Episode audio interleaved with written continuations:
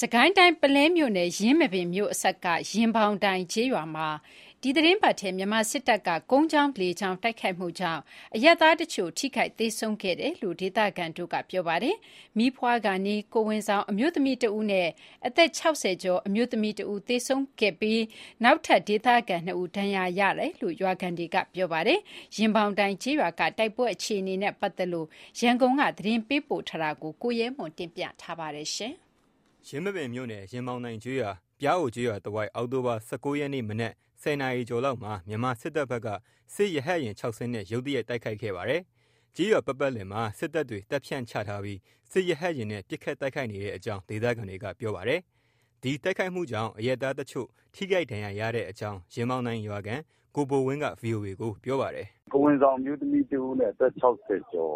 အဖွားကြီးတဦးလက်နက်ငယ်ထိမှန်ပြီးတော့သေဆုံးသွားတယ်။ ဒဏ်ရာရကတော့လောလောဆယ်ကျနော်ကြားတာ၂ယောက်။အိမ်၂လုံးမီးရှို့သွားတယ်။ရင်ပေါင်တိုင်ရွာကိုထိုးစစ်ဆင်တဲ့နယ်မြေရှင်းလင်းရေးထိုးစစ်ဆင်တာနဲ့ပတ်သက်လို့စစ်ကောင်စီဘက်ကသတင်းထုတ်ပြန်ထားတာမရှိသေးပါဘူး။ဒီဒေသတွေမှာဒေသခံ PDF တပ်တွေခြေကုတ်ယူပြီးအကြမ်းဖက်လုပ်ရပ်တွေကျူးလွန်နေတယ်လို့စစ်ကောင်စီဘက်ကစွပ်စွဲလေ့ရှိပါတယ်။အရပ်သားတွေထိခိုက်ဒဏ်ရာရတဲ့သတင်းတွေနဲ့ပတ်သက်လို့သီးခြားအတည်ပြုချက်တော့မရသေးပါဘူး။စစ်တပ်တွေရင်ပေါင်တိုင်ရွာထဲရုတ်တရက်ဝင်လာချိန်မှာ ရွာသူရွာသားတွေ ကြိုတင်ရှောင်တိမ်းချိန် မရခဲ့ဘူးလို့ ရွာခံ ကိုဘိုဝင်းက ပြောပါတယ်။“ရဟတ်ယာဉ်နောက်ထပ် ၂ စင်း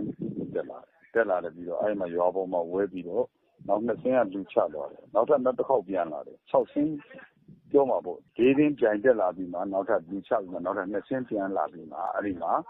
ပြန်ပြီးတော့ လူချထားခဲ့တယ်။ချထားခဲ့ပြီးမှ အဲဒီမှာ ရွာပတ်ပတ်လည်ကို ချတယ်။ချတာကိုမှ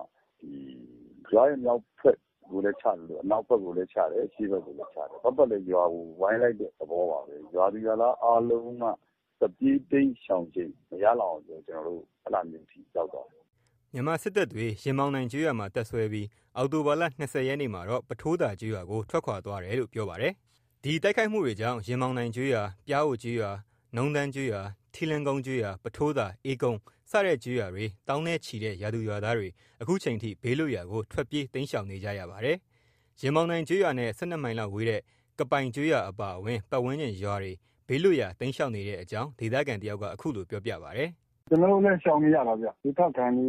ဒီကပိုင်ဘက်ကတော့ အကုန်လုံးရှောင်နေပါပြီ။ရွာထဲကတော့ မရှိတော့ဘူး တယောက်မှ။ဒီဘက်ကို လာမှာစိုးတာနဲ့ ရှောင်ကြတာလေ။အခါတိုင်းက ရင်ပေါင်တိုင်ကနေပြီးရင် ဒီဘက်ချိုးချိုးလာတာဆိုတော့။”မနက်ပိုင်းကတော့ ရင်ပေါင်တိုင်ကျေးရွာအနီးတဝိုက်မှာ ဒေသခံ PDF တပ်ဖွဲ့နဲ့ စစ်တပ်အကြား တိုက်ပွဲတချို့ ဖြစ်ပွားခဲ့တဲ့အကြောင်း မြောက်ယမား ပြည်သူ့ကာကွယ်ရေးတပ်ဖွဲ့ PDF တာဝန်ခံ ကိုခန့်က အခုလိုပြောပါတယ်။“ဒီနေ့မနက်မှာကတော့ ကျနော်တို့ ခုခံကာကွယ်ရေးတပ်ဖွဲ့တွေနဲ့ စစ်ကောင်စီနဲ့ စစ်ရေးတင်းမာနေတဲ့ အခြေအနေကနေပြီးတော့ ပစ်ခတ်တိုက်ခိုက်မှု အနည်းငယ်ဖြစ်ခဲ့တာ ရှိပါတယ်။ကျနော်တို့ဘက်ကို ကျနော်တို့ သတ်မှတ်ထားတဲ့ ကုန်းဘက်ကို စစ်ကောင်စီတပ်ဖွဲ့ဝင်တွေ ကျွံလာတဲ့အခါမှာ ကျနော်တို့ ကာကွယ်ရေးတပ်ဖွဲ့ဝင်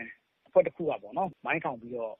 လာတဲ့စစ်ကောင်စီတပ်ဖွဲ့ဝင်တွေကိုခွဲလိုက်နိုင်တယ်လို့သတင်းရပါတယ်။အဲဒါကတော့ထိခိုက်သေဆုံးမှုကျဆုံးမှုကိုတော့ကျနော်တို့လောလောဆယ်မှာတော့အတည်ပြုလို့မရသေးဘူးပြီးခဲ့တဲ့ဩဂုတ်လ၁၁ရက်နေ့တုန်းကလည်းယင်းမာပင်မြို့နယ်ရင်ပေါင်တိုင်ကျေးရွာမှာဒေသခံ PDF တပ်ဖွဲ့တွေခြေကုတ်ယူနေတယ်ဆိုပြီးစစ်တပ်ဘက်ကလေကြောင်းကပစ်ခတ်တိုက်ခိုက်ခဲ့ပါတယ်။လေကြောင်းကနေပစ်ခတ်ခဲ့ချိန်မှာဒေသခံကာကွယ်ရေး PDF တပ်ဖွဲ့ဝင်တွေအပါအဝင်အရပ်သားတွေတဒါဇင်ထက်မနည်းသေဆုံးခဲ့တယ်လို့ဒေသခံတွေက VOA ကိုပြောပါတယ်။